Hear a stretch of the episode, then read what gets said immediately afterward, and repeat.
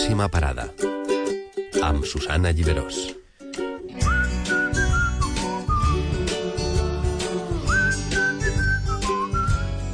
I així, minut a minut, doncs mira, anem avançant i, i ja estem en la...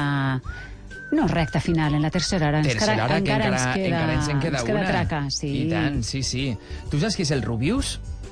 Sí, però reconec que ho sé des de fa poc, que fa un any. Jo no estava molt posada en això. I És molt famós molt, el Rubius, Molt. un youtuber que, que, que, que bé, que mira, ara s'ha fixat una empresa il·licitana en ell, L'empresa és eh, La Frontera i el youtuber ja te l'he dit, del Rubius. I per què? Que- Perquè han tret un videojoc sobre una persona que juga a videojocs. Com és això? A veure, a veure, una persona... Un, videojoc sobre, una, persona, que, juga, a videojocs. Sí, i eixe seria el, el personatge del qual ell parlava. I un altre personatge de la història, en este cas, és el gatet d'Otos. No sé si és oberta o tancada. Otos, Dotos. Otos, Este, Otos, este no sabem Otos. si és oberta o tancada. És si és que Dotos, no ho sé. Dotos. Otos, mira, tu sense el Otos. gat... Otos, jo crec que sí, jo crec que sí. I, I, clar, pel nom igual pensem en una persona, mira, un animalet uh, uh, carinyoset i No. entranyable, però no, no, No, no. no fa l'efecte que no. Era un roder, un bandoler de la vall d'Albaida que, que bé, que, que, que tenia la gent uh, molt preocupada en aquella època i ens ho contarà el nostre historiador. I també tindrem, per acabar el programa com ens agrada, el nostre Xavi Castillo per a començar, bé, ja hem començat el dilluns per acabar la vesprada amb un somriure, així que si et sembla seguim, però abans preguntaré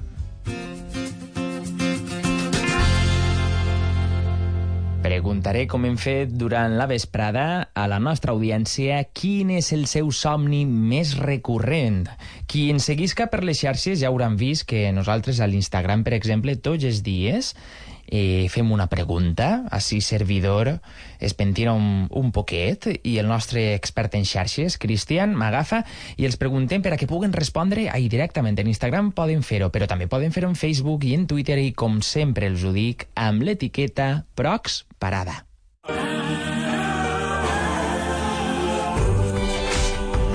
Som a punt i comptem amb tu.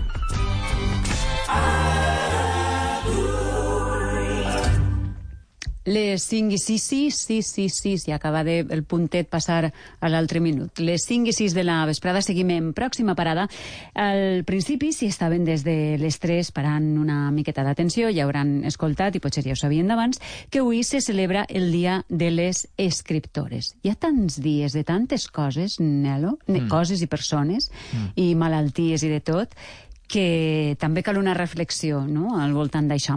Però mira, anem a reflexionar sobretot de per què el dia d'avui cal, perquè és recent la, la celebració. Em, I anem a fer-ho amb Lliris Picó. Ella és escriptora, està a Alacant, és professora de la Universitat d'Alacant, professora de eh, la... Mm, Departament de, Filolo de Filologia, sí, ho he dit bé. Lliris, què tal? Molt bona vesprada, com va? Hola, bona vesprada. Bona bé. vesprada. Eh, T'agraïm que, que ens atengués una miqueta perquè està bé reflexionar perquè és el tercer any només que es fa este dia, però és que encara cal, veritat. Totalment, jo us agraïs, sóc jo la que us agraïs que m'hàgiu telefonat, que hàgiu comptat amb mi, perquè eh, trobo que avui molt poca gent s'ha recordat que és el dia de les escriptores, per tant, encara cal. Sí. És, és evident. Sí, sí, sí, i tant que sí. Eh, eh, i, I qui es felicitava era és dins del gremi, no? Vull dir, és que, clar, al final eh, es queda dins del gremi que són també eh, qui van promoure este dia, esta jornada. I esta jornada en concret eh, amb el lema de rebels i transgressores. I comentava jo al principi que sembla que sempre hem de ser nosaltres eh, per aconseguir coses sempre amb l'etiqueta de rebel i transgressora perquè és que en realitat ho hem de ser, però en una societat normal i paritària, entre cometes iguals, no caldria no? tanta rebel·lió. Exactament, no caldria tanta, tanta, tanta rebel·lió i si cal és precisament perquè vivim un poc com per, per inèrcia. Aleshores, el que hem de fer és rebel·lar-nos contra aquesta inèrcia que ens fa invisibles.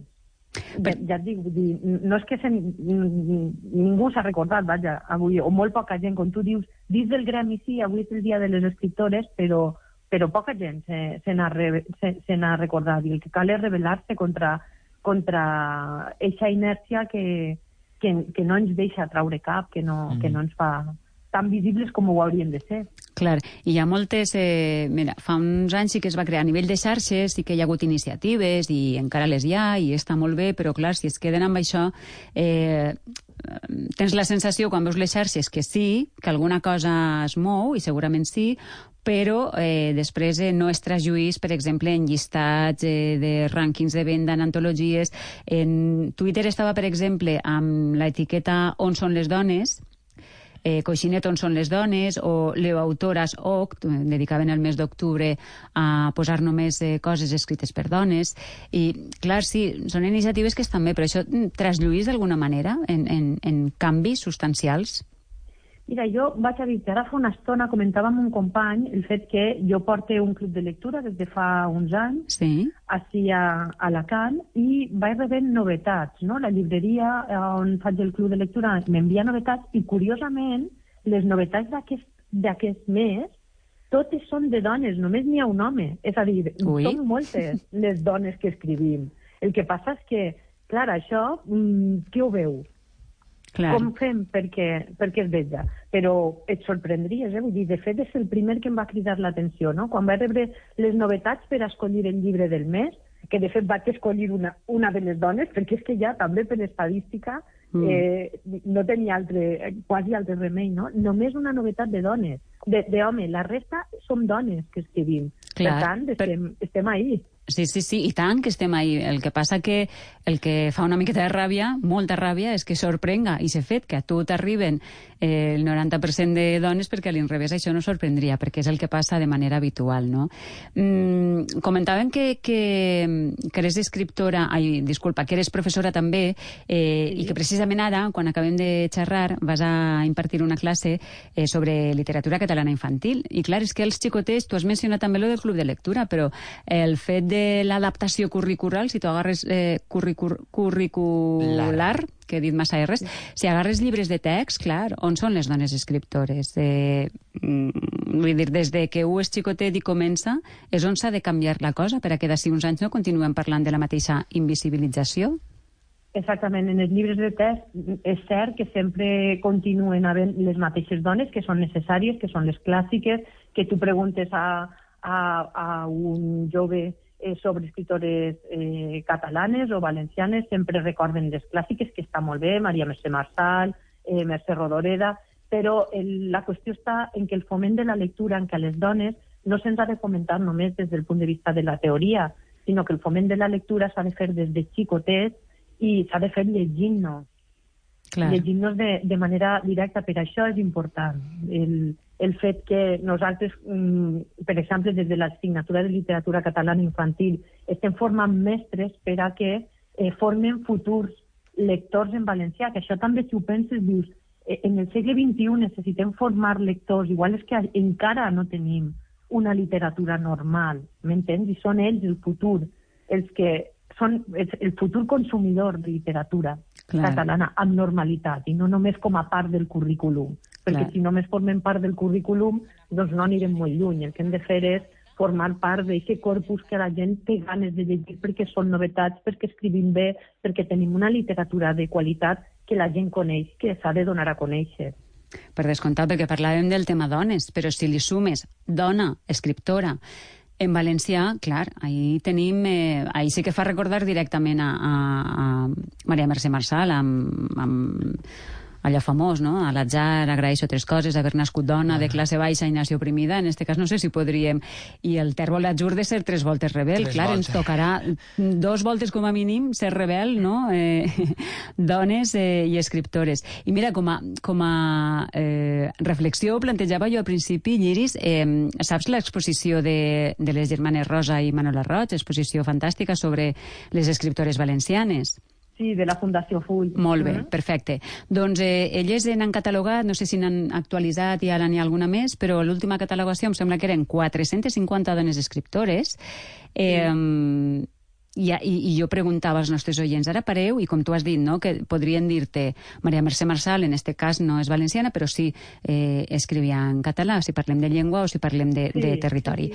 I sí. te'n diuen dos o tres i I escolta'm, en, en són 450 i si fem l'exercici ens n'adonem de la realitat que tenim, no?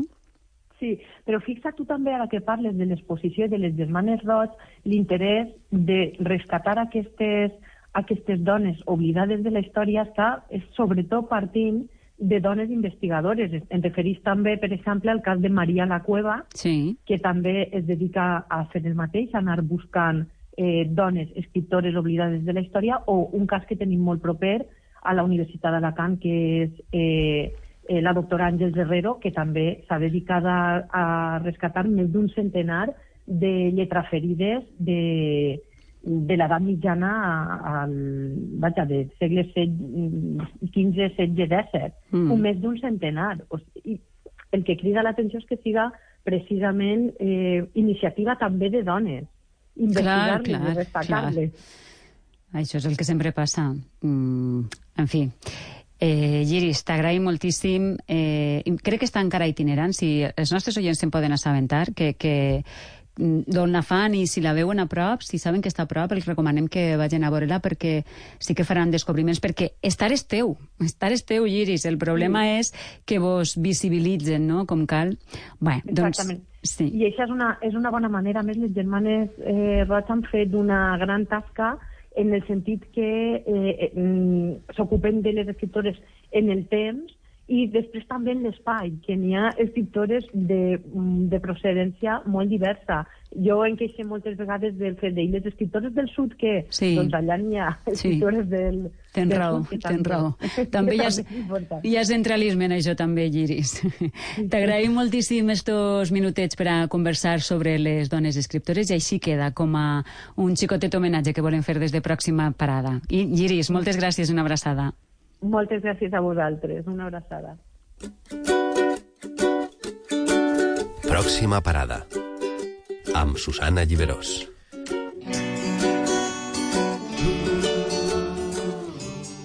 Buenas, que que estáis. Hoy os traigo un vídeo un poco distinto, ¿vale? Eh, hoy os voy a desvelar un pequeño secretillo que os llevo ocultando durante mucho tiempo. Eh, ¿Cómo empezar? ¿Cómo empezar? Bueno, ya lo habréis visto por el título del vídeo, o sea, tampoco hace falta aquí montar un show, pero bueno, antes de empezar, con este secreto vais a entender eh, bastantes cosas, ¿vale? Vais a entender por qué a lo mejor me habéis visto distinto en algunos vídeos, o por qué a veces hay vídeos mejores, vídeos peores. Pero bueno, me voy a quedar un mes, ¿vale? Y vamos a ir directamente al grano, ¿vale? Tengo un eh, gemelo eh, desde hace tiempo, obviamente, desde, desde que nací, básicamente, así que lo vais a conocer ahora. Rubén, ya puedes entrar, crack. Bé, doncs eh, esta veu que senten, que han escoltat, és la del famós Rubius, perquè, Eh, exacte. perquè famós, ahir mai, mai millor dit, no? El youtuber espanyol amb més èxit, el major influencer que deu haver ara segurament a la xarxa. Té vora 32 milions de subscriptors en YouTube. Què, què? Això és una Nelo? audiència inimaginable per a 32 nosaltres. milions. 32 milions de meua. seguidors. Sí. Imagina't el potencial eh, que suposa això eh, En tots els mediàtic, sentits, clar, clar, però també per clar. a les empreses, per a... Clar. Doncs d'això anem a parlar ara precisament, perquè tenim al telèfon a David Gomis, és director de producció i cofundador de La Frontera. David, com va? Bona vesprada. Hola, buenas tardes, ¿qué tal? Molt bé, bona vesprada. Gràcies per atendre'ns. A veure, mm, ha creat un videojoc de realitat virtual del personatge, del Rubius. Eh, L'empresa és il·licitana, ho hem dit, és eh, La Frontera. I, i en què consistís, David, el videojoc? Bueno, es un, es un videojuego es un, es un videojuego a pequeña escala, es pequeñito Sí. porque es un, es un proyecto que se pensó principalmente para la, la promoción de la serie y nos lo encargó Movistar, ¿no? que como sabéis es quien produce la, la serie de Virtual Hero. Entonces es un pequeño videojuego, es como, no sé, una especie de, de demo del videojuego eh, para, para que entendáis un poco la escala. Eh, tampoco es un videojuego de grandes dimensiones, Sí. por no, por no eh, dar demasiadas explicaciones a- al público que nos esté escuchando. Ah, vale, però, però això és per no fer spoilers d'aixòs o què? No? Eh, ¿Perdón? Que això ho dius per no fer spoiler, per no, per, per no contar Sí, massa... también, también. Hay que, no, no hay que contar mucho de... Ah. efectivamente, pero bueno. Vale, Però vale, aquí sí tenim eh, aquí sí tenim de protagonista en aquest Sí. videojoc eh, mm, sí que vos heu basat, no? Eh, sí que Sí, sí, sí. en el Rubius, no? Que, que adoptaria, mm, bueno, passaria en este cas a la, a la realitat virtual, no? Podríem dir és... Efectivamente, sí, sí, sí, sí. Eh, nosotros seguimos un poco la historia que hay detrás de la, de la serie de animación de Virtual Hero, nos hemos basado en ella y hemos tomado pues personajes, situaciones y el Rubius es obviamente el protagonista de tanto del videojuego como de la serie. I per què, per què ell? ¿Por qué? Bueno, porque Ujú. tiene 32 millones de seguidores. ¿no? Como Bàsicament, Ja està, bàsicament. m'has deixat els arguments. Entonces, Clar. Pero al final, y bueno, son 32 millones de, de seguidores a los que, pues oye, hay que darles cosas, hay que darles contenidos, hay que darles...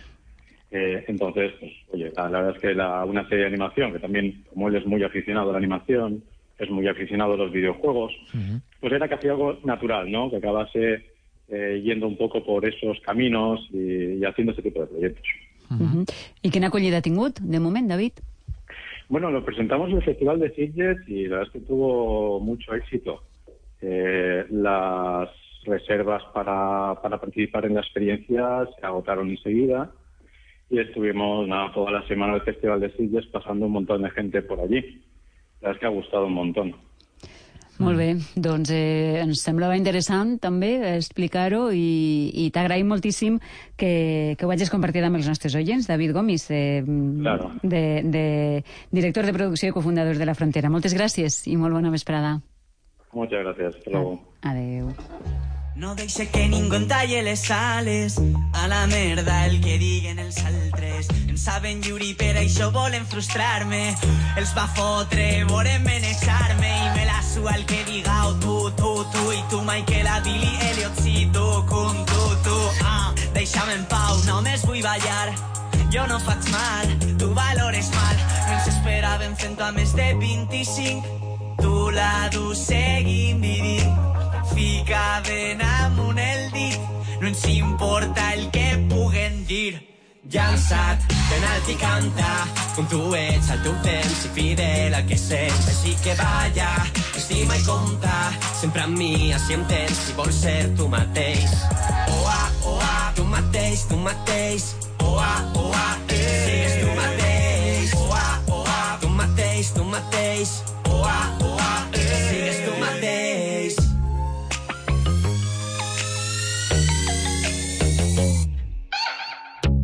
M'obliga a entendre'n cada cop més que després no trobe forces per posar-me d'en peu. Escolta Plaer de ma vida, Què és Plaer de ma vida? un programa de gastronomia I de vegades ens avillis anar a un restaurant de tres estrelles Michelin, no? Un espai infantil? Si la criatura és bonica, és forta. que parla de l'amor, Estimar és dibuixar mapes. Amb molta música. És un ritme que fa 1, 2, 3, 1, 2, 3, 1, 2, 1, 2, 1, 2. Un programa sobre sexe, Semanas que son dos y hay semanas que es uno. Pero sí. Ahí està, ahí està la mitjana. A veure si arribem. un programa de salut, Tal com pisa un malalt prostàtic, sí. Carregat d'esperit religiós. Senyor rector, l'esperit sant se l'ha menjat un gat. Un programa sobretot perquè tot està en els llibres. Plaer de ma vida, dimecres d'una a dos del migdia en A.Media Media i si arribes tard en el web apuntmedia.es.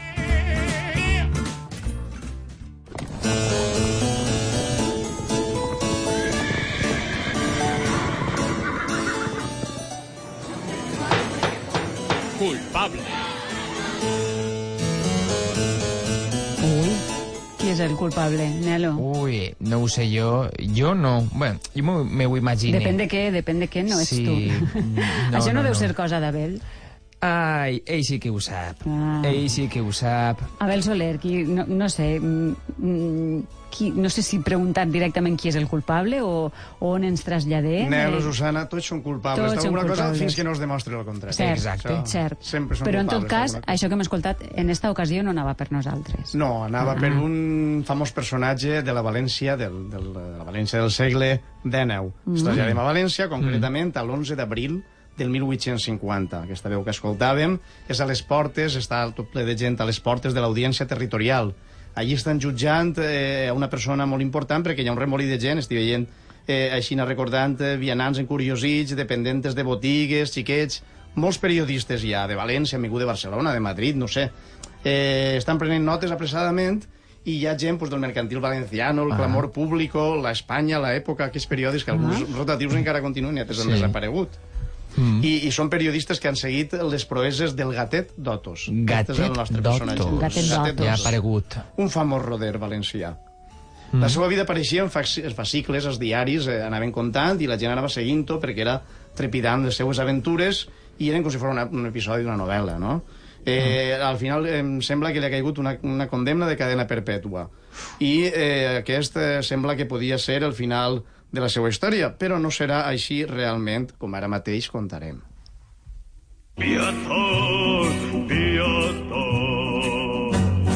No en mateu, jo tinc dos fills i una esposa, usaré tot mon diner, però no em claveu eixa daga. Però el bandoler de llac no seria el gatet d'Otos. Eh, no, era un bandoler més, més eh, una faceta més bondadosa de llac, Sí, és sí, un poc sí, és de la- terrible, no? És Sí. una, és Joan I, Serra. i, I aleshores català. el, el gatet d'Otos qui era? El gatet d'Otos és el malnom que, té, que li van posar a un jornaler d'Otos, un home de poble, de la Vall d'Albaida, als peus del Benicadell, el poble de Rellotges de Sol, com és conegut, Mm. i aquest home tenia una muller i dos fills, i, i, era, eh, i es, el que passa que es va veure canviar de, obligat a canviar de vida, a rebel·lar-se contra els abusos de, de la gent dels cacics i de la injustícia social que regnava en aquella època, que era molt generalitzada. Ah, és un poc com Peter Pan, no? No, Peter Pan no, eh, calla, Robin Hood. Robin Hood, ah, Robin Hood, sí, una miqueta con Robin Hood. No sabem, no sabem si era un poc Peter Pan, Sí, també. sí, Potser sí, després no es va sé. fer popular, era, era un... El... Acaba de regalar un moment pel No, zapping, no. és que... Sí, sí, sí, ha hagut ahir un, un, un patinatge artístic. Però perquè era... Eh, perquè hi va haver tantes... Eh, en fi, tanta i expectació mediàtica com estem, no? Eh, sí, doncs perquè el, ell en principi només el coneixien al seu poble, que li diuen Marià això. Seguí Calatayud, i ell era un treballador, un jornaler, d'estos que Mhm. es llogaven a senyorets, als amos dels masos de terratiners de secà d'aquella època, i era un home pues, molt àgil, era conegut perquè podia botar de teulada en teulada, d'arbre en arbre, per això li van treure el gat. Mm. Però mm, després, eh, doncs, eh, com va viure en un medi pues, molt dur, eh, en el qual passaven coses com la que li va passar a ell, que el van acusar d'un fals robatori quan tenia 28 anys, 1847, i el van tancar en la presó. Però com era molt hàbil se'n va fugir. Eh, clar. I es va dedicar, com feien molts aleshores, les presons d'aleshores tampoc eren que foren molt segures, ni, ni això, ni tenien càmeres de vigilància, ni, ni res. Aleshores, es va dedicar a recórrer els pobles, dels, ma- els masos i els pobles i tal del comtat, de la Vall d'Albaida. Bueno, ja anava des de la Ribera Alta fins al Vinalopó, en altres roders que hi havia, s'enjuntava i es va fer el cap d'una quadrilla molt important, i anàvem pues, eh, rapinyant, furtant collites, robant, eh, i sobretot també segrestaven a rics eh, poderosos i mafiosos d'aquella època i els treuen diners, no? Estes, i a, no sé, inclús a capellans o a alcaldes o, o gent que tenia poder però que era roïn i tal, per això eren populars, no? entre els pobres, entre els oprimits. I així van estar pues, uns anys, i clar, la premsa així en les notícies, la gent ho seguia, i li tenien un poc de pietat perquè injusta era, havia patit injustament la presó i volia encarregar-se i tal, Mm. i, i hi havia una mica de solidaritat amb ell, podríem dir. Però al final, eh, has dit, eh, se'n va fugir de presó, anava fent de Robin Hood per ahí, però al final sí que el jutgen, no? L'atrapen i el jutgen, o què? Uh -huh. Sí, eh, això explica... Bueno, al final el capturen perquè el, eh, el, en una de les seues eh, expedicions per la zona del comtat, el, les autoritats de Cosentaina el, eh, sobornen a la gent de Gorga i en Gorga li fan una emboscada a la Guàrdia Civil i tot, i el capturen i se l'emporten a la presó i el jutgen, que és un poc l'escena a la qual hem assistit, no? I al final, doncs, eh, El acaba en declaren presó. culpable, no? Sí, sí, sí. I el tanquen a presó. Uh -huh. I... Eh, què I és- més? Doncs eh, continua la història, no s'acaba així, la de presó Ah, i clar, final de... dic, perquè perquè és- el, el condenen al, al presidi de les illes Alucemas, prop de Marroc, en la mar d'Alborán, i allí és on eh, passa molts anys de la seva vida i eh, intenta ja, al cap de dos anys o tres, encapçalar una fuga de confinats, que al final fracassa, està 14 anys més, i en 1867 hi ha una altra fuga massiva en la qual se'n fuig, se'n fuig, però al final entre els guàrdies espanyols i els marroquins es tornen a capturar els presos perquè allí, clar, era una mena d'alcatraz, no? I, I era molt difícil fugir-se'n, però ell, clar, ho intentava. Després, resulta que el, eh, hi ha una guerra entre Marroc i Espanya Mhm. i resulta que eh, ataquen els marroquins la illa, el presidi. I clar, què fan els guardians, que són quatre rates allí? Doncs donar armes als, als presos. I els presos defenen i ell es converteix el capità de tots perquè sabia més que ningú d'estratègia, d'armes i de tot, i es converteix en un heroi allí, de salva la illa de, per a Espanya, i després el ministre s'entera d'això, l'indulta i se'n torna al poble. Ostres. O sigui, que encara després ja va ser Una un poc gran. Però escolta'm, condecorat i tot. Sembla que, que, que miulava com els, miulava com els gats quan Sí, feia alguna sí. acció. Eren... Era, era el seu, la seva marca d'identitat, Ja. com normalment les com el, accions... el zorro que posava Que la zeta, la zeta. doncs ell. Tu saps exactament com el zorro, però el gat tenia el seu, el seu el distintiu, no? Mhm. aquell era la zeta, aquest era un so de, de gat miolant, perquè tu saps que els bandits, els roders i tal, actuen sovint per la nit, en la foscor, Sí. sí. emparant-se els dies de poca lluna, no? I aleshores, doncs, eh, quan oïen el miolar, els guàrdies civils s'acobardaven fins i tot, no? Perquè va, li van fer una sèrie d'emboscades i va, eh, no el van poder capturar. Després ja Notos torna, eh, treballa com a jornaler, eh, conforme havia treballat de jove, encara que era molt vell, el respecta molt la gent, li fan eh, una sèrie d'homenatges actualment, hi ha una novel·la de Joan Olivares que es diu Pana Negra, i, Ah, clar. i eh, és un, ara ja és un personatge reconegut i rescatat de l'oblit, no? una mica. A mi també m'ha recordat a un altre bandoler de- d'un altre llibre de L'ombra del mar, del mal, de Lluís Miret, mira. Uh -huh. Per buscar el Sí, sí, no, bandolers neixiran alguns més. Sí, perquè és que este un era de la Vall d'Albaida, concretament, També. a, a casa nostra. Sí, Vaja, sí, vaja. per això de seguida, sí. Sí, sí. I què més, com acaba la història? Sí, eh, doncs en 1895 torna al poble, després ja moren 85 anys d'edat en tota la pau del món, i eh, fixa tu que l'Almanac de les Províncies, un periòdic que encara Mm. existeix i que es venia molt al Almanac, li va dedicar una necrològica de dos pàgines en, com a un dels personatges que s'havien mort en l'any més importants. Ah, sí? I eh, la va titular El gatet d'Otos, bandido regenerator. Doncs ja l'havien admès la societat, fins i tot burgesa de la capital i benestant, com una persona que... I murió, eh, posava en el... Estava llegint tot este matí el, eh, per a documentar-me una mica, eh, reconciliado con la iglesia y con los santos sacramentos i tot. O sigui, tot un repertori de que era ja una bellíssima persona, no? Clar, això que diuen, quan regenerat. passa alguna cosa, és que era un home normal, Sí, no? sí, sí. era una bella persona. Al final Eh, en va ajudar a protegir, no? En realitat, Home, era. un Robin Hood, Les clar. circumstàncies el van espentar, les circumstàncies socials que patien tots. Ell era un heroi perquè els altres no s'atrevien a, a rebel·lar-se contra el caciquisme i, i els abusos. En canvi, ell sí. Clar. I per això era un poc el- l'exemple, mm, no sé si a seguir, perquè era molt atrevit seguir-lo, però ell no va tindre altre remei, i per tant era reconegut com a tal, no? com a una víctima, més que com a protagonista de, de, de maldat o de coses així. Sí, sí. Home, no, de vegades ho has comentat abans, que hi havia com, com si fos un TV o no, on anava seguint, però també el seguien a Barcelona i a Madrid, la eh, premsa de Barcelona i premsa. Madrid. Tu saps que en aquella època es llegia molt els folletins, folletins de, de amorosos, però també Mhm. d'aventures, de, Mm. igual que es llegien en el segle passat també les novel·letes de- d'indis i vaquers, doncs una Sí. cosa així, no? I la veritat és que hi havia coses molt espectaculars de, de tindre l'envoltat tot en una caseta la Guàrdia Civil i tot l'exèrcit i soldats i tot, i poder eixir disparar-los de nit i alluernar-los i fugir-se'n tots els que estaven dins la caseta. O sigui, que va tindre aventures realment molt trepidants i molt interessants, novel·lesques, per això s'han fet novel·les d'ell. Mm. Eh, el que passa que al final, clar, té un, té un final trist, no? Sí, perquè, clar, tants anys pres i tot això, i damunt és que ell tenia el, eh, dona i fills i tot, i dia en el juí va dir que a mis hijos, que bueno, els meus fills es parlaven, els, els, els deixen que s'expressaven en, en, encara que els jutges parlaven en castellà, els acusats s'expressaven en valencià, segons era el valen, dialecto valenciano, el único que se habla en el país. I diu, això aleshores, ara ja Sí, sabem sí. que no, però que aleshores era l'único que se hablava en el país. Entonces els jutges pues, no podien fer que la, la gent parlara en castellà perquè no sabien. No ho sabien. I dia que els meus fills pues, que els deixen a la beneficència o algo perquè no podré fer-me càrrec d'ells. Un jornaler era pobre, no tenia patrimoni i per tant era una víctima de, de, de, de desigualtat social d'aquella època, no? Mirat així. Mm. I on va passar els seus últims anys de vida, aleshores? Doncs al seu poble natal, Otos, i hi ha una placa que ho recorda, no? A banda de la novel·la i del, i del homenatge que li van fer, en el 2005 li van fer un homenatge públic, eh, s'ha escrit un llibre d'història del poble, té un capítol dedicat perquè és el personatge el millor més emblemàtic de la localitat, i, i bé, és un poble també digne de visitar per turisme rural, per rellotges de sol que té exposats de diferents artistes plàstics, està bé. La veritat és que sembla, sembla increïble perquè sembla doncs, això l'argument d'una pel·lícula d'aventures, no? I, Mhm. I estem parlant d'un fet verídic, clar. Que va Sí, existir. i és doncs, un valencià del passat, com tants altres que anem rescatant i recuperant, eh, recuperem anècdotes, personatges, fets, etc. En aquest cas, jo penso que com a roder de segle XIX és molt representatiu d'aquest tipus de persones, no? Mhm.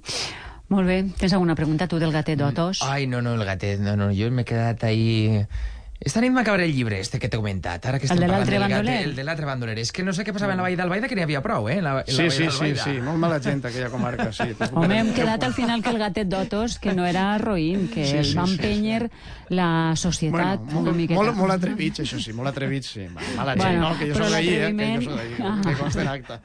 L'atreviment no és sinònim De zona, de, de de, ser roïn, no? No, no, no, no. Era vo- broma, fem broma això. Vos dissem a tu i a Abel, a, o sigui, a Abel i al gatet d'Otos com a atrevits Sí, sí. i no com a roïns. Home, i va morir respectat, vull dir... Sí, eh, fins i tot es conserva la, la seva navaixa i algunes pertinences personals com si foren relíquies. Ah, sí? També, On estan? Allà, Sí, sí, en, en possessió de familiars i de persones eh, que el coneixien. O sigui, Ah, que molt bé. fer un xicot de museu, si volgueren, està clar. Fantàstic. Mira, eh, acabem amb el bandoler i així ens, mm, te posem a tu Ah, sí? en, clar, en, en, ja claro, en situació, situació, per a exacte. esta nit eh, que acabes de llegir una miqueta. Molt bé. A mi m'agrada molt, la veritat, personalment. I el canvi de veus, que també podem fer si voleu. I, eh, vinga, va, primer escoltem la cançó, així Sí. l'escoltes tu també, Abel, i després ja t'acomiadem. Va, vinga. No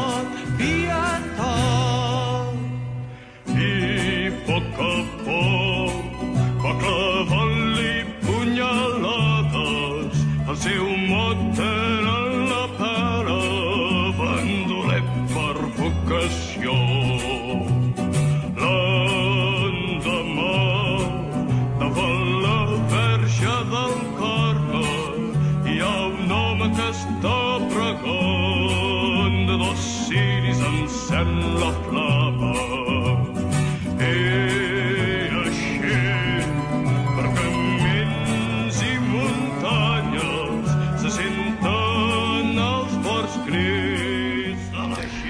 No sé si dir el nostre homenatge als bandolers, perquè igual ens diuen alguna cosa. Diuen, eh, què feu així fent... Sí, sí. Eh, no, però n'hi ha Que no es bandolers... malinterprete, no? No, n'hi ha bandolers i bandolers. Sí, Vull de vegades diguem que van doler que eres, no? Però Ah, ho diguem en el sí. sentit irònic. Clar. Igual que em És- de la maldat i tot Sí. això. Això té una explicació, a veure, va, com a historiador. Per què ho diguem? Jo ho he sentit moltes Sí, vegades, sí. ma mare, en castellà. Ai, bandido, bandido. Aquests Però per bandido. què, per què emprem aquesta expressió, ai, bandoler? Però d'una manera no? carinyosa. Eh, Pues perquè hi ha De molta pillos, tradició. De, de fet, eren- en algunes comarques, a la Safor, per exemple, o en la Vall del Valle també, eh, diuen els xiquets es envien a córrer el bandol que és el bàndol, el, els bandolers Ah. anen a córrer el bandol a la serra, lluny, és a dir, que es volen treure les mares de casa als fills, Sí, diuen, sí, "Aneu-vos sí. a, córrer el bandol.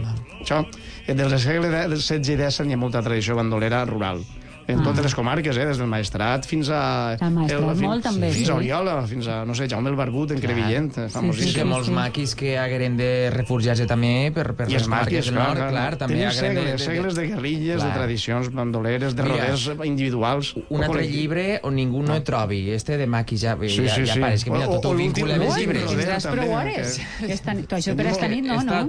No, no, no, està tot Tenim llibres. molta literatura també del tema, això sí que és cert. literatura. Molt bé, escolta'm, ens avances una miqueta sense fer spoilers d'ixos la setmana que ve que ens explicaràs, un poquet? Sí, doncs una cosa, també un personatge curiosíssim, un espia i tal, una persona que eh, era cristià després d'haver musulmà i en viu entre dues civilitzacions.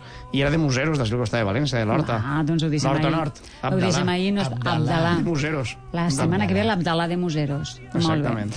A veure, moltes gràcies. Bona Gràcies a vesprada. vosaltres. Bona Adéu, vesprada. bona vesprada.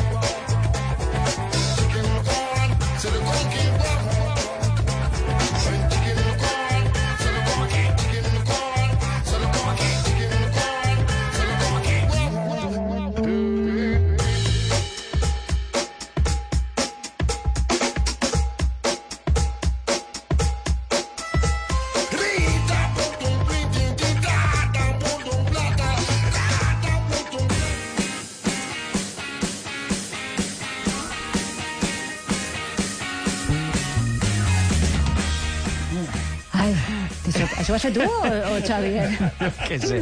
És que me... Això dona així? Em ric perquè, mira, senyors i senyores de Però t'ha quedat l'audiència... Sí, que pensava que havia sigut tu, i jo dic, no sé, qui ha sigut els dos? Però és que mira això que xulo que és. Tenim a la peixera de l'estudi, tenim a tota la família de Xavi Castillo. Me'n falta un, me'n falta Me'n un, falta, me'n falta. falta un. Però, I saluden, però tenim saluden. a la del mig, a la xicoteta, menjant-se un plàtan, no? Que mos saluda així en la maneta. Mira espera, que bé. espera, que li faig el mono. Mira, si li faig el mono se riu, mira. Doncs ara no, ara no hauria fet molta gràcia. No, no, no, ara és que té massa estímuls, ui, Xavi. Bueno, com estem? Bé, eh, i vosaltres què tal, com ho porteu? Bé, eh, molt bé, he pogut sentir bé. fragmenters molt xicotets, eh, una xicoteta entrevista que heu fet també als, a dos guàrdies civils, Sí? molt, molt interessant, Eh molt bé. sí? Sí, sí, no sé, jo volia, no ho havien dit mai, però volia felicitar-vos que feu unes entrevistes molt, molt, molt bé. Ai, moltes molt gràcies. bon treball, molt bon treball. Sí, mos, mos, mos ho assagem molt, mos ho assagem molt. Estamos aquí chupándonos las o lo que sigui. Hola, tira-li, tira-li. Bé, sí, arrenquem? Sí, no? Arrencar, Sí. clar. Va, que avui eh, estem en ressaca de la hispanitat. Tono, comença el Beri Huevo! Hola! Que xulo! Ai, Això és nou! està clar. Això és nou! Sí. Heu fet una catacham, que xulo! La ràfaga, tenim, avui estrenem ràfaga. Gràcies, Ole. Tono! I volem començar amb la... Eh, a veure, eh, tinc així diverses coses, ¿vale? però volem començar la ressaca esta de, de la, la hispanitat. Ja vam fer un poc de broma. eh, Sí. L'últim dia crec que estàvem en una actuació també. El divendres, que estaves a... No ho sé, però havies dinat espaguetis a la carbonara. Exacte, estàvem en Alacant. Què te pareix? Quina memòria. Eh? És selectiva. molt bé, molt bé. Eh, bueno, després han continuat porquejant tot les, el cap de setmana. dir Això és el que es fa els caps de setmana, com, no? Com a cerdos. A veure, eh, comentàvem el, lo del tema del el Dia de l'Hispanitat i, clar, després eh, mos hem donat compte avui de que, de que ha sigut eh, la polèmica i el caos ha sigut que Pedro Sánchez, a més ho he pogut veure així de forma fugaç, Pedro Sánchez va fer un error de protocol. Això ho heu vist? Ah, no m'entera jo. Ah, ha sigut un escàndol, una cosa que dius... Ah! El Perquè cridar li va donar la mà, també. ell i la dona, li van donar la mà al rei i a la reina, al, a Letícia, i es van posar al costat, eh, això ho he vist jo, avui, ens van posar al costat com, com per al besamanos, com dient, eh, pues mos posem al costat, com dient, eh, pues si el rei està així a la reina, va dir, che, carinyo, Pedro Sánchez li va dir, che, carinyo, posa't així, eh, perquè jo sóc el president, i em posa així, eh, che, dona-li la mà, i entonces, va, és, és molt bo perquè va uno de protocol i li diu, "Xt, tira pa acá. Queda. Ai, va, el sí. president. És molt bo, és molt bo el de protocol, que va i li diu, "Xt, Pedro, tira pa allà. Vale, vale eh? I m'encanta. Ala, això, no, vosaltres no teniu aquesta raó. Carril. I ja està. Això ha sigut un escàndol, però nosaltres, públicament, le, la gent que fem el Berihuevo, i eh, volia dir-ho públicament que, eh, en realitat, així, eh, a l'altre costat de la mampara teniu a la guionista. Eh, el- en realitat, la que em passa a mi totes les notícies és Adela, que està ahí en el costat. Eh, Eh, una ràfega per Adela. Sí, senyor! Avui tenim ràfaga per Adela. Eh, en, és ella la que em passa tot el material. Em diu, Xavi, parla d'això, que és el que toca. Jo, jo no tinc ni puta idea, però... Adela firma, eh? Diu que sí. sí. Exacte, Sí. és molt important. I volia dir això, que nosaltres, eh, bàsicament, el que Pedro Sánchez ha fet un error de protocol, bàsicament, mos la, com es diu això, mos la sua. Ens és igual, s'acostuma a dir eufemísticament, no sé. Sí, bueno, això que dir... Eh, però mos la sua, però per davant i per darrere. A nosaltres el que ens ha fet gràcia, i ara sí, això sí que necessita una ràfaga impressionant, és un home que anem... Eh, Susana, jo crec que anem a posar-li una secció fixa en el Berihuevo. La secció de Pablo Casado! Me cago en... Jo dic, ui, Xavi, torna amb que Casado. Sí, és home, que, però, home. tio, jo no vull, però dius, és que la, tu l'has sentit. Sí, sí. Pablo Casado s'ha expulsat en un discurs, s'ha expulsat això. Senyores, senyors, jo te llis el titular, ¿vale? y tu tono estate al tanto. Este, este es, per exemple, del mundo, ¿eh? Uno, a, a bote, a, a, a bote pronto, diu. La hispanidad es la etapa más brillante del hombre junto al imperio romano. Senyores, senyors, Pablo Casado s'ha despenjat en, una, en un discurs eh, de l'època de l'imperialisme espanyol. Eh, la gent està flipant en, el, en, esta, en esta nova etapa del PP. La gent no s'esperava, la gent no s'esperava que el Casado vinguera en esta cosa. I, i s'ha despenjat en, en estas declaracions de eh, que la, la hispanidad es probablemente la etapa más brillante no de, un, no de una España. O sea, el tío No, ha dit, no. no de España, sinó de l'hombre. Vull dir, després del descobriment del foc i després de la roda, va ser la hispanitat, saps? Que els, els, la gent d'allí, els, els, saps? Els, els, els aborígenes, tenen que estar flipant com dient, en sèrio? Vale? A més, el descobriment, saps? Descobriment... Tingueu en compte que l'hispanitat és un descobriment, es, es, celebrem un descobriment que ni ell sabia, quan es va descobrir, no se sabia que allò era una cosa nova. Vull dir, i a més ells ja estaven descobrits, es- estaven descoberts. Eh, Claro, ja existien. Sí, Claro, va ser, clar, clar, va ser una el conquesta, no un i ells, descobriment. Diu, ells diuen, ja, nosaltres ja, ja ho sabem que estem així.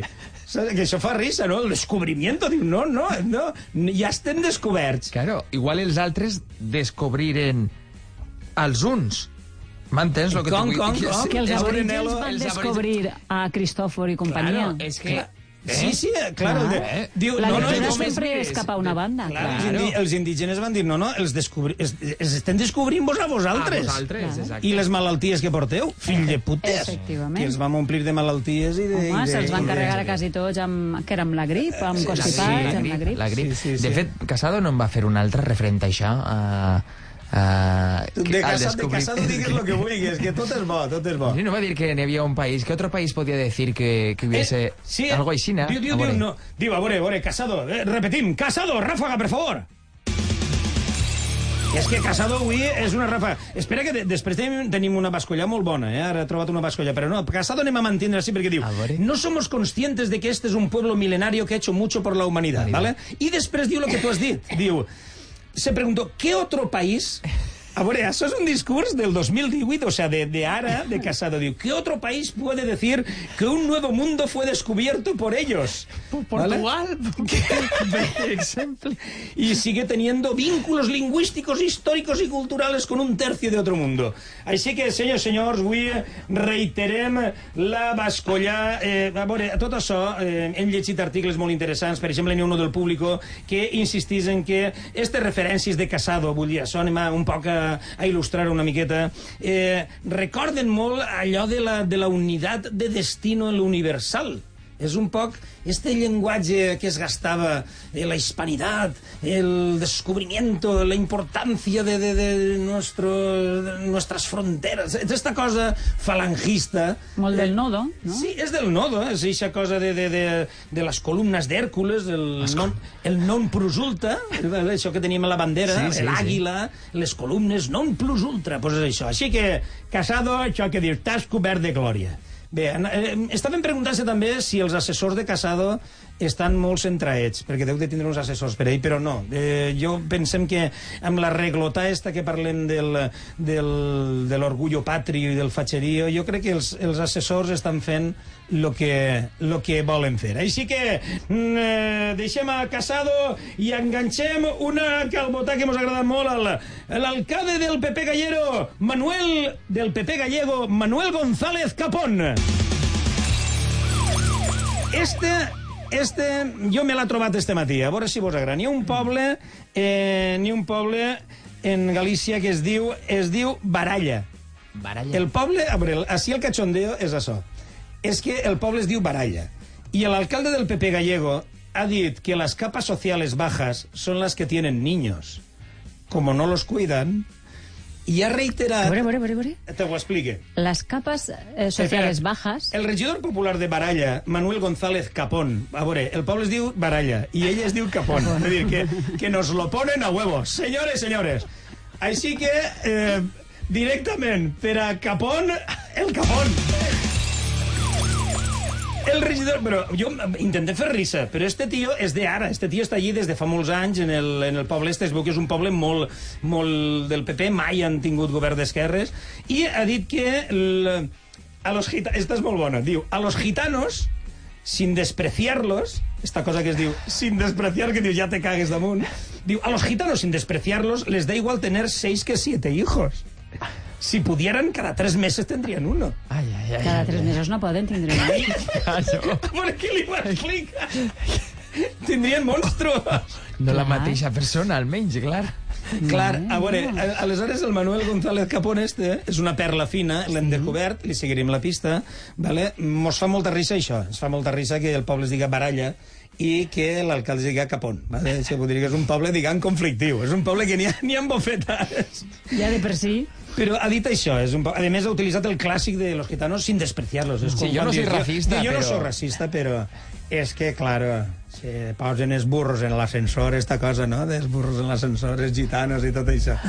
Vull dir, i ha dit dels gitanos literalment això, que poden tindre sis, set fills, però que, que, que com no els cuiden, pues, la gent pobra pues, pot tindre així, no pot tindre molts. Claro. Este home, una altra de les perles fines, i acabem en Concapón, va afirmar, fa, en el mandato anterior, va afirmar en un pleno que les persones assassinades, això és més seriós, que les persones assassinades per eh, franquistes s'ho mereixien. Així que... Capón!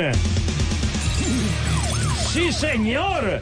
Com esteu? Esteu flipant, a que sí? Clar, és que Mare això no meua. ens ha fet gens de gràcia, ja. Ja, meua. home, no... És que Però tenim... este senyor... Este senyor, pues no està bé. Eso no, ha hecho que de, pues no està bé. No està bé. Sea, Pues no és està que un bé. capón és... Diu, mira... La pastilla, mira, la capón, pastilla. Mira, capón, jo sense voler ofendre. Sin ser jo nada de ofender. Mira, si jo, mira, jo no vull que ofendre, capón, però... No ho sé. Igual... Igual no estàs bé. Vale, ja parlem d'això. I n'hi ha una cosa que anem seguint la pista, vosaltres sabeu que el tema eclesiàstic sempre està dins dels verihuevos, sempre sabeu que són temes delicats, però avui eh, n'hi ha una notícia molt grossa molt grossa que ha aparegut eh, i molt, molt potent, ¿vale? Eh, dins del verihuevo anem al tema de el encubrimiento en la Iglesia Católica.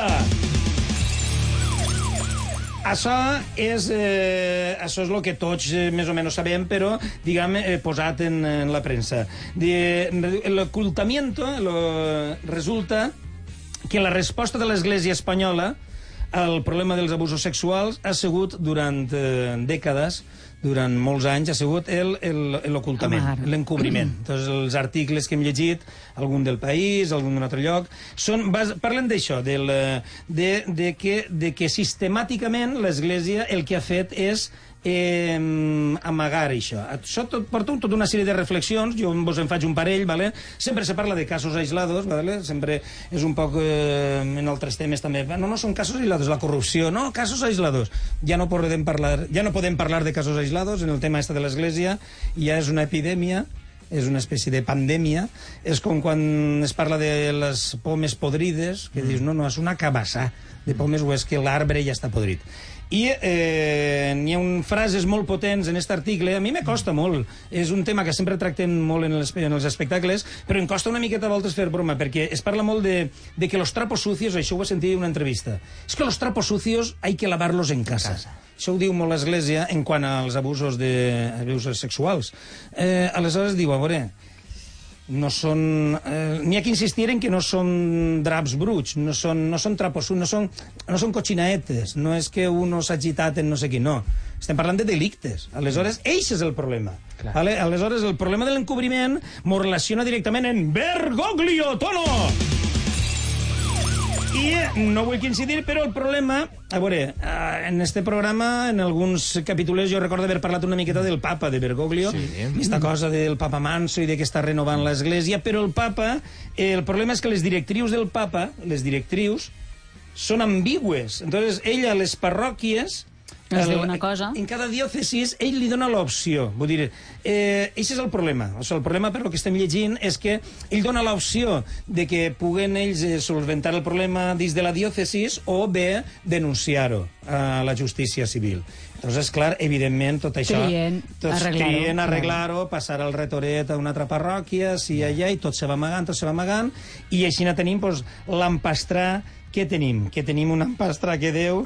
Eh, de, si tot això anara directament a la, a la justícia civil, pues, simplement se juzgarien com a, com a delictes, que és el que són. Clar. Així que... Per avui, una altra de les bascollaes, tono, seria per al papa i les diòcesis que oculten los abusos sexuales. I, de moment, això és el que portava. Eh... Què és això? Que... És que estic mirant tot... Això, tot... Clar, a veure, què és això? A veure, això és que avui hem vingut amb, amb les xiquetes a l'estudi Ah. i sense voler ha entrat en això en unes sabatetes. Ah, vale. És que estic mirant-ho i estàs parlant i jo estic mirant-ho. Jo dic, Són "Això què les és?" sabatetes, ah, les sabatetes de la de la xiqueta que les Vale. gasta perquè estàs començant a caminar. I, Ah, vale. I avui, com a notícia important, eh, sí que tinc eh, sí que tinc una contestació a Cristian. Sí. Ah, sí? Pues el farem entrar, vinga, fem-lo entrar. Sí però, que avui, tinc- però avui que no fem pregunta... Ah, sí, Però avui hem la fet una fem, ni la pregunta... fem nosaltres. A tu quins somnis se, Ah, la fe- no la fa se- Cristian? se te'n repetís? Sí, bueno. Ah, bueno, bueno. Va, és que la va, que vol que la faci a No Cristian. m'emprenyes, que no la fa Què Cristian. fem? ja li posem, li ja posem ací. ràfega o noto, no? Ara sí que la tenim. Vinga, posem-li una ràfega a Cristian.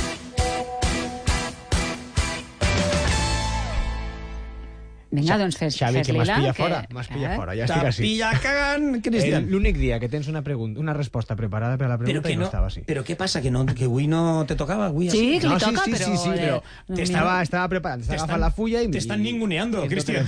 Cristian, por Dios. A veure, t'acaba de recordar ara la pregunta del dia, ¿vale? Cristian, que encara estan les guàrdies civils per així.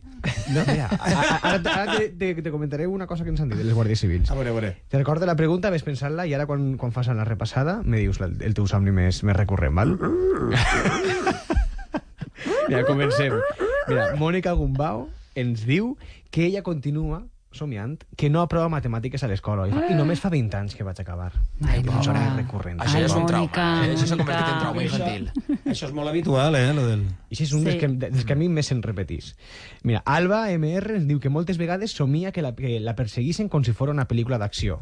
Després em desperta i em queden les ganes de saber com acabaria la pel·lícula. Ai. Jo li he dit, si algun dia acabes el somni, ens Conta'ns. escrius i ens ho dius, que m'ha generat curiositat. Després Mari Carmen, des de Cargaixent, ens diu que sempre somia que es cau d'un precipici. Sí. Carlos Navarro diu que sovint somia que conduís un Mercedes. Ah, mira. No ho somiaríeu mai. No, no Jo un tampoc. carret, no, un Mercedes. I després tenim a Anuska, que jo crec que representa a molta gent, a mi almenys em representa, eh, amb este somni recurrent. Ella diu que sempre somia que, pot, que pot menjar el que vol sense engreixar. que, que tindré més València. Mm. Serà un somni, serà se- un desig, això que es confon. Allà.